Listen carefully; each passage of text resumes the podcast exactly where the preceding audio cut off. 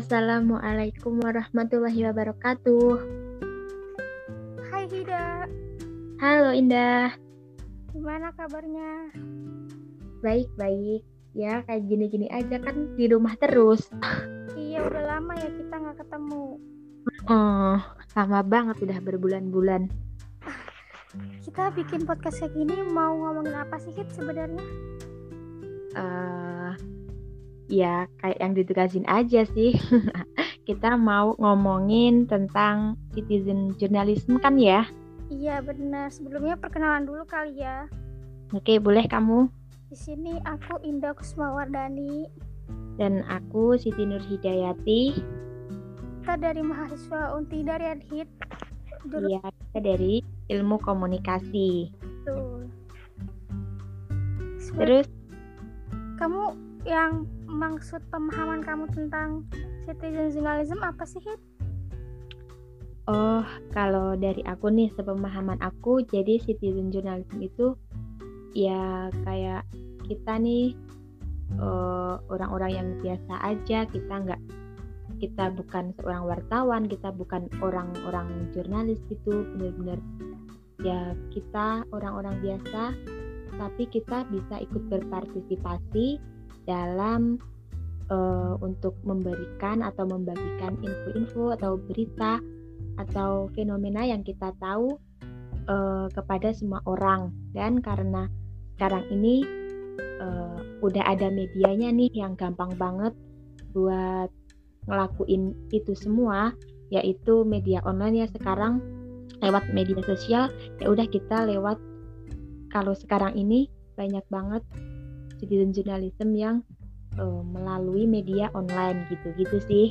Benar, Apa- benar banget. mana sama-sama kayak kamu juga eh, jadi tuh dengan adanya citizen journalism ini tuh udah gampang gitu loh dalam menyebarkan berita. Kayak warga biasa aja udah bisa memposting apa kejadian yang ada di depan mata mereka. Tanpa Iya, wartawan profesional yang dalam media gitu kan. Iya. Eh, sebelumnya aku mau sharing nih tentang citizen journalism itu evolusi jurnalistik tahap ketiga mutasi loh hit. Hmm, hmm, hmm, hmm. di mana kalau misalkan itu jurnalis jurnalistik milik wartawan menjadi milik warga.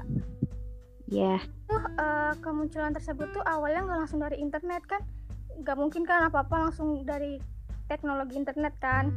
Iya. masa printing press pun citizen journalism itu udah ada. Contohnya tuh kayak eh, brosur pak citizen journalism hit dulu. Hmm, hmm, hmm. Terus dengan seiringnya perkembangan tek- teknologi, citizen journalism ini udah banyak kita temukan dan gampang banget untuk diakses seperti info-info kemacetan kalau lagi mudik.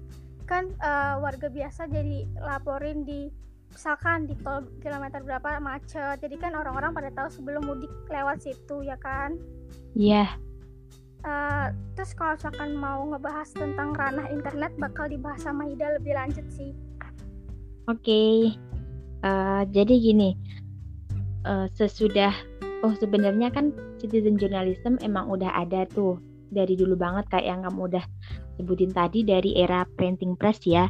Hmm, Nah, Sekarang eh, mulai adanya ini, mulai era web 2.0 ini, eh, di mana internet tuh udah gampang banget diakses oleh siapa pun.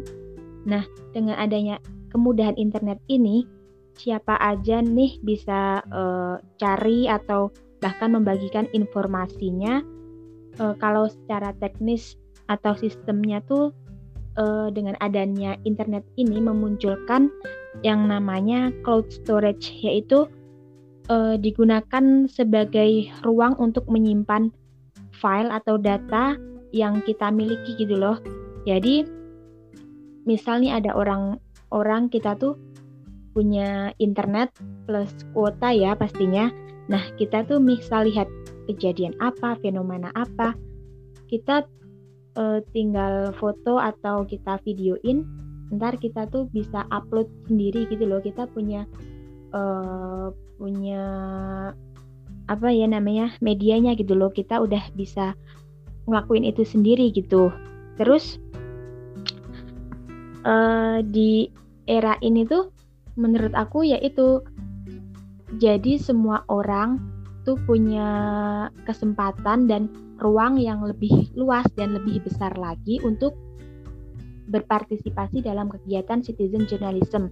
Karena kalau dulu misal kayak di era printing press gitu kan kayaknya untuk membuat sebuah berita kan kayaknya ribet juga gitu kan. Kita harus uh, nanti kita harus misal kayak cetak-cetaknya entar ribet iya. mahal di pokoknya kan susah.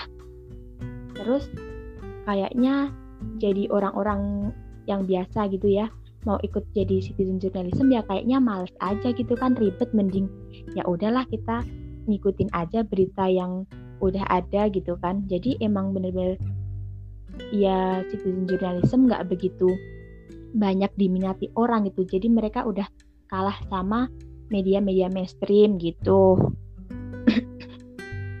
Terus kamu ada yang mau ditambahin lagi nggak nih?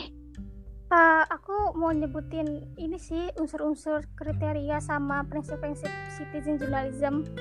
Oke. Okay. Jadi kan uh, yang kamu bilang itu kan ketinggalan sama uh, citizen journalism itu ketinggalan sama media mainstream ya?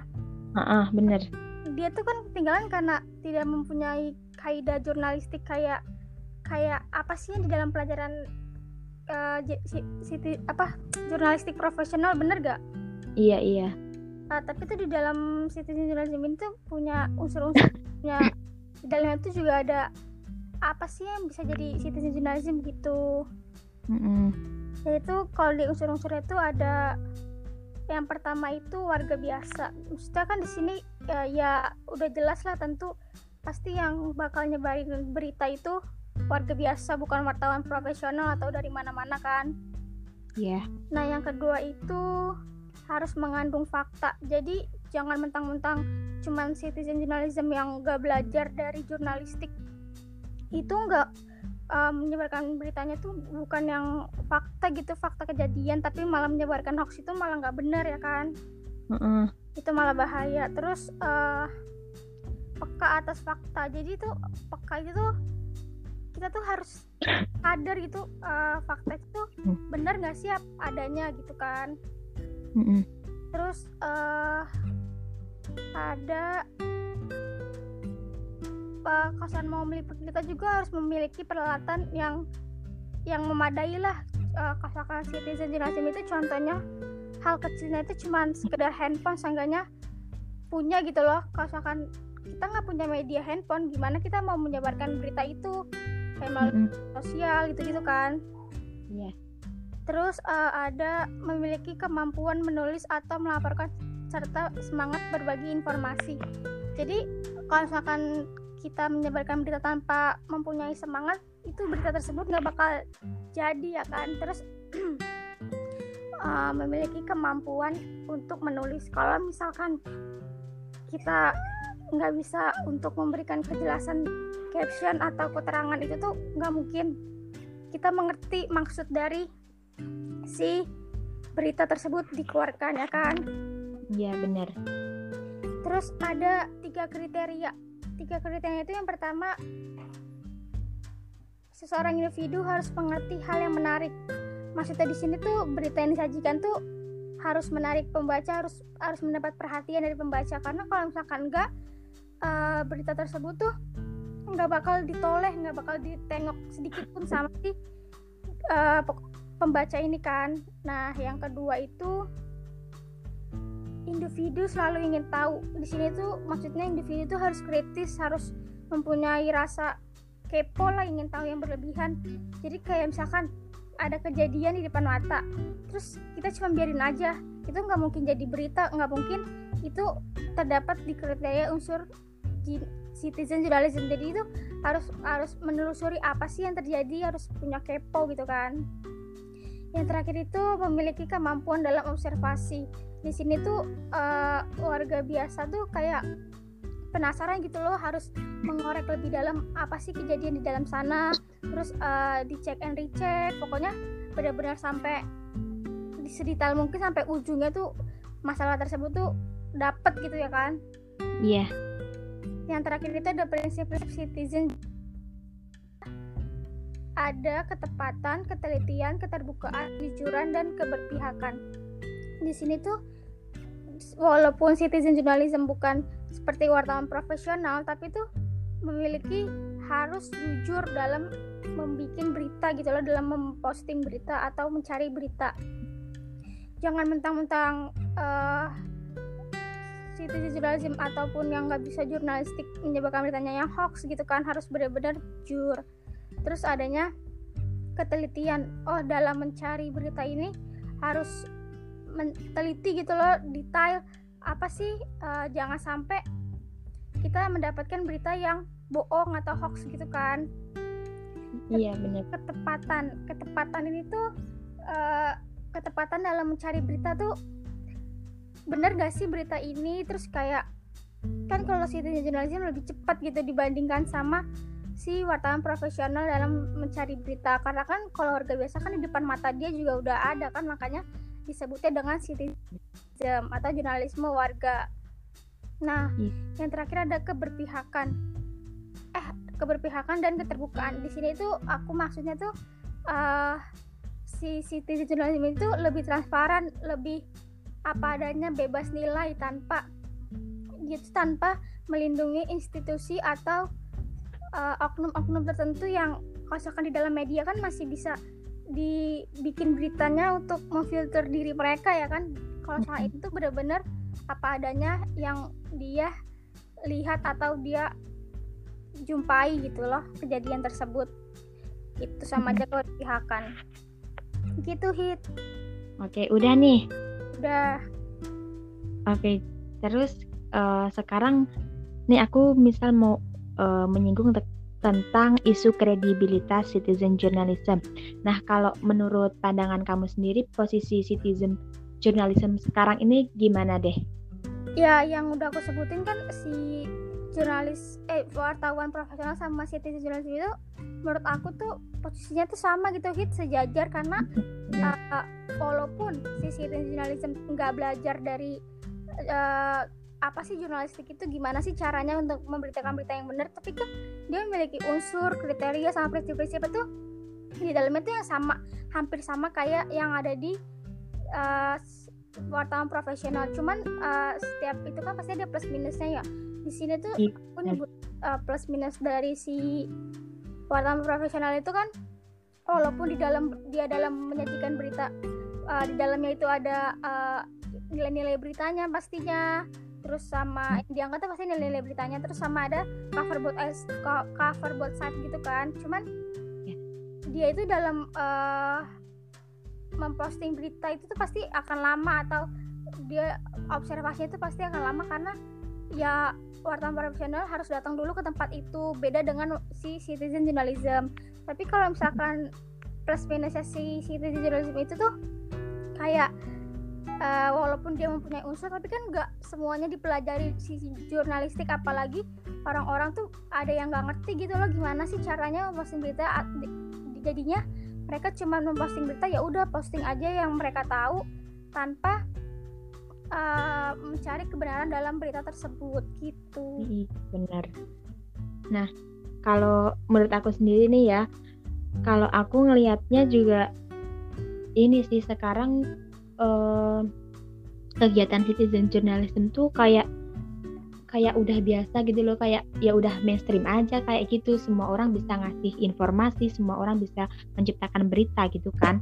Apalagi adanya media online terus uh, sekarang media sosial juga udah macem-macem banget kan. Bisa share foto share video dan pokoknya ya gitulah pokoknya dengan ada online tuh mempermudah banget uh, kegiatan citizen journalism ini. Nah, sebenarnya emang posisi apa si citizen journalism ini juga masih jadi kayak perdebatan gitu loh dari tokoh tokoh-tokoh gitu. Kayak ini ada pernyataan dari uh, kayak beberapa wartawan atau jurnalis profesional gitu kan. Nah, mereka tuh menganggap kalau citizen journalism tuh bukan seseorang yang menghasilkan berita, cuma kayak mereka tuh berbagi cerita aja gitu, apa yang mereka lihat, uh, mereka bagiin aja, bukan bener-bener untuk uh, apa kayak buat berita gitu, bukan. Nah, tapi kalau uh, ada lagi dari tokoh yang namanya Seth Hetena itu menganggap kalau citizen journalism itu uh, sebenarnya memiliki andil besar gitu loh untuk mencari informasi, untuk memberikan informasi yang lebih efektif gitu. Nah, kalau uh, dari beberapa pendapat tersebut ya, terus kalau menurut aku sendiri kalau dilihat dari isu kredibilitas citizen journalism sendiri, aku jadi ingat yang kasus Audrey yang kemarin. Kamu tahu nggak? Aku oh itu aku tahu itu waktu itu lagi booming banget kan di Twitter sampai ada hashtag sampai trending hashtag tersebut dan uh -uh. Uh, dan apa masyarakat tuh pada empati gitu kan terhadap si Audrey itu tuh sendiri. Iya. Nah itu kalau aku ngelihat dari yang itu ya kejadian uh, Audrey itu itu kayaknya uh, contoh atau praktik dari citizen journalism yang uh, buruk ya menurut aku. Karena gitu apa awal mulanya kasus Audrey itu kan juga naiknya gara-gara dari Twitter. Jadi ada dari akun gitu kan. Di situ dia bikin uh, tweet nah dia ceritalah itu kejadiannya gimana. Dia bilang nih ada anak SMP di Pontianak uh, dia dibully dianiaya dikeroyok sama 12 pelajar SMA kemudian uh, dia bilang kalau pelakunya itu sebenarnya teman-teman kakaknya tapi dia uh, apa jadiin si korban ini yang adiknya itu tuh buat mancing biar kakaknya tuh keluar gitu loh itu isi dari tweetnya. Nah, dari tweet tersebut uh, langsung banyak banget gitu loh menuai eh, komentar-komentar khususnya dari warga Twitter ya.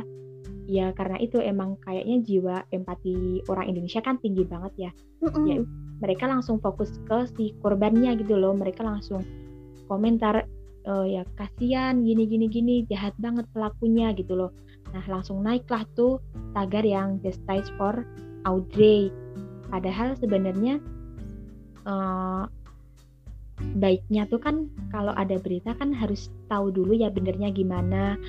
Apa udah itu bener udah ada buktinya atau gimana. Sebenarnya mungkin masih ada tuh yang komen kayak uh, apa ini berita dari mana terus kayak tanya loh kamu tuh siapanya korban terus mana buktinya gitu tapi kan udah ketutup sama eh, orang-orang yang kasihan sama si Audrey gitu loh nah terus aku mau bahas bahas kenapa uh, ini juga termasuk dari citizen journalism yang buruk hmm. karena kalau kalau dibandingkan nih misal pertama yang meng mengangkat isu kasus Audrey ini tuh bukan dari si akun akun Twitter ini tapi yang mengangkat isu ini tuh dari media gitu loh, media mainstream, terus hasil dari berita jurnalis profesional gitu-gitu, kayaknya menurut aku kasusnya tuh nggak akan salah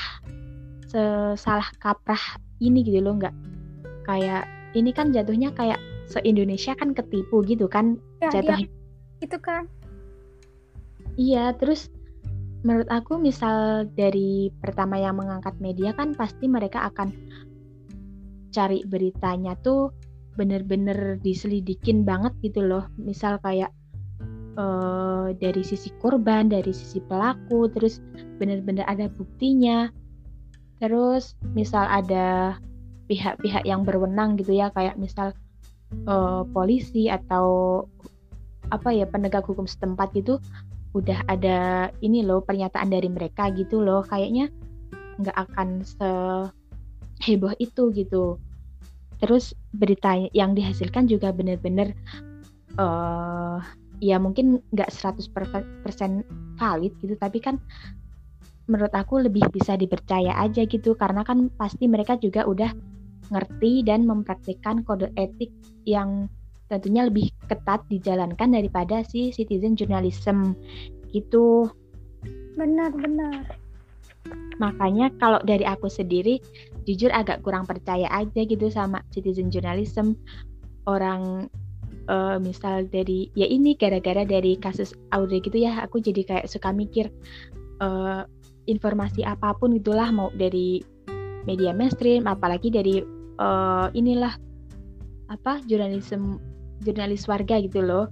Ya walaupun sebenarnya aku dukung-dukung banget gitu loh adanya citizen journalism kan juga uh, ya bagus gitu. Sekarang orang-orang tuh kayak udah mau uh, sharing terus jadi kita lebih tahu gitu loh di sini ada kejadian apa kejadian apa uh, yang tentunya akan jadi lebih tepat gitu. Kalau nunggu media mainstream kan uh, mungkin juga kan butuh proses atau gimana gitu kan?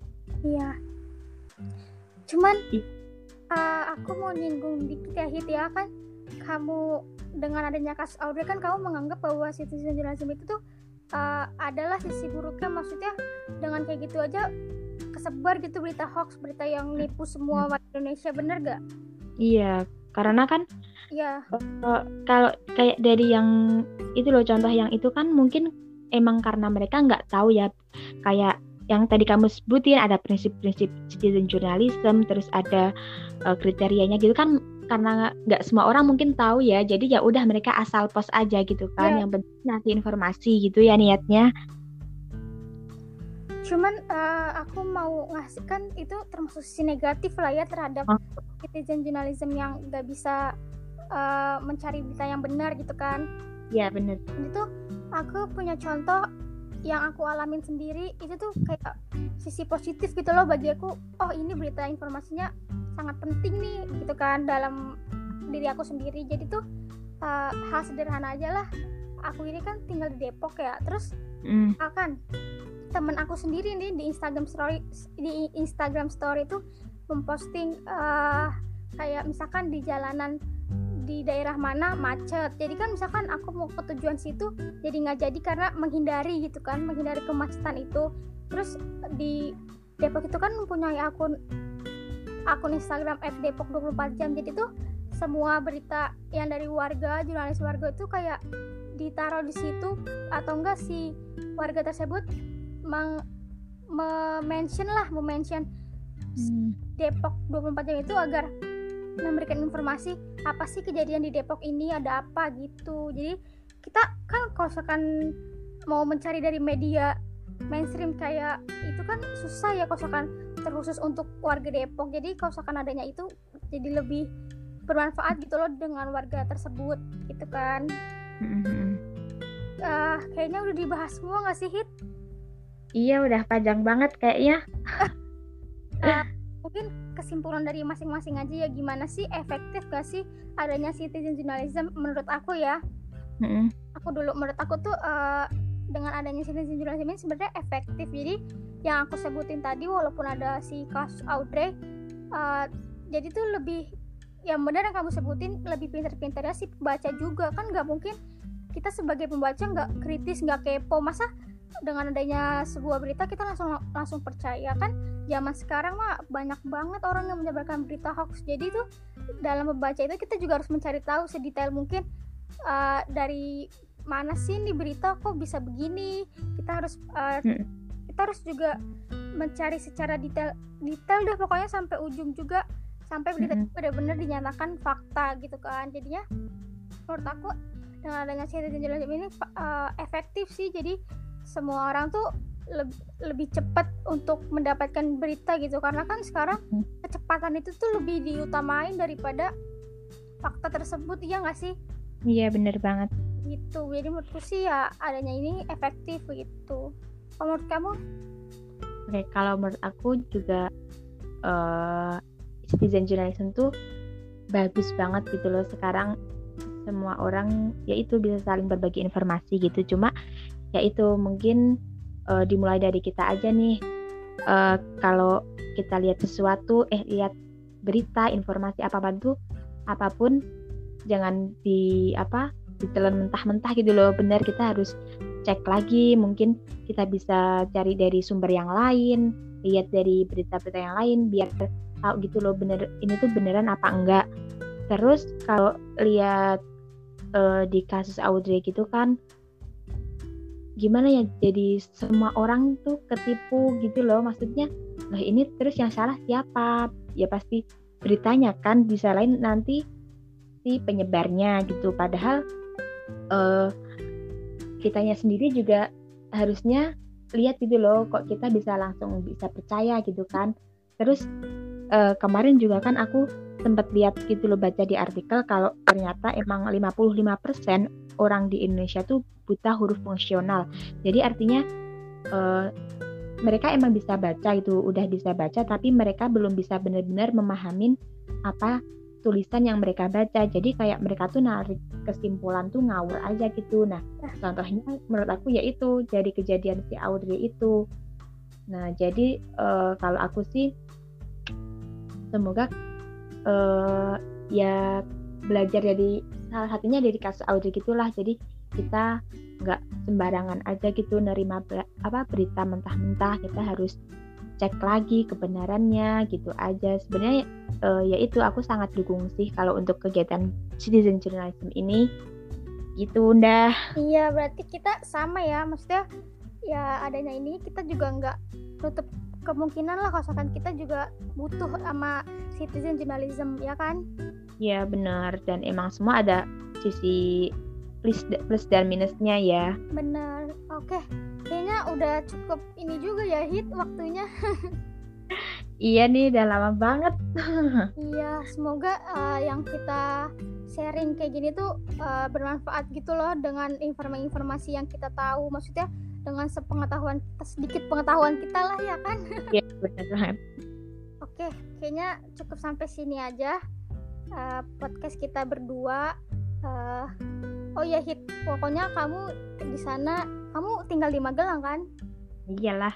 Uh, jaga kesehatan terus kalau misalkan mau keluar keluar juga harus ngikutin protokol uh, kesehatan kan pakai masker gitu-gitu. Terus juga kalau keluar mah kalau mahasiswa yang libur kayak gini mendingan yang penting-penting aja. Kalau misalkan main mah jangan dulu deh ya nggak sih? Walaupun ada yeah. normal. Dan yang penting yang penting ya semua juga apa bisa cepat pulih gitu loh. Kan ya. juga pengen kuliah kayak biasa lagi kan. Iya biar bisa ngapus lagi ya. Nggak uh, enak sih sebenarnya gini terus. Ya udah semoga semuanya sehat. Terus uh, uh, udah kali ya. Sekian iya tuh ya. kita. Wassalamualaikum warahmatullahi wabarakatuh. Aduh Fahida ya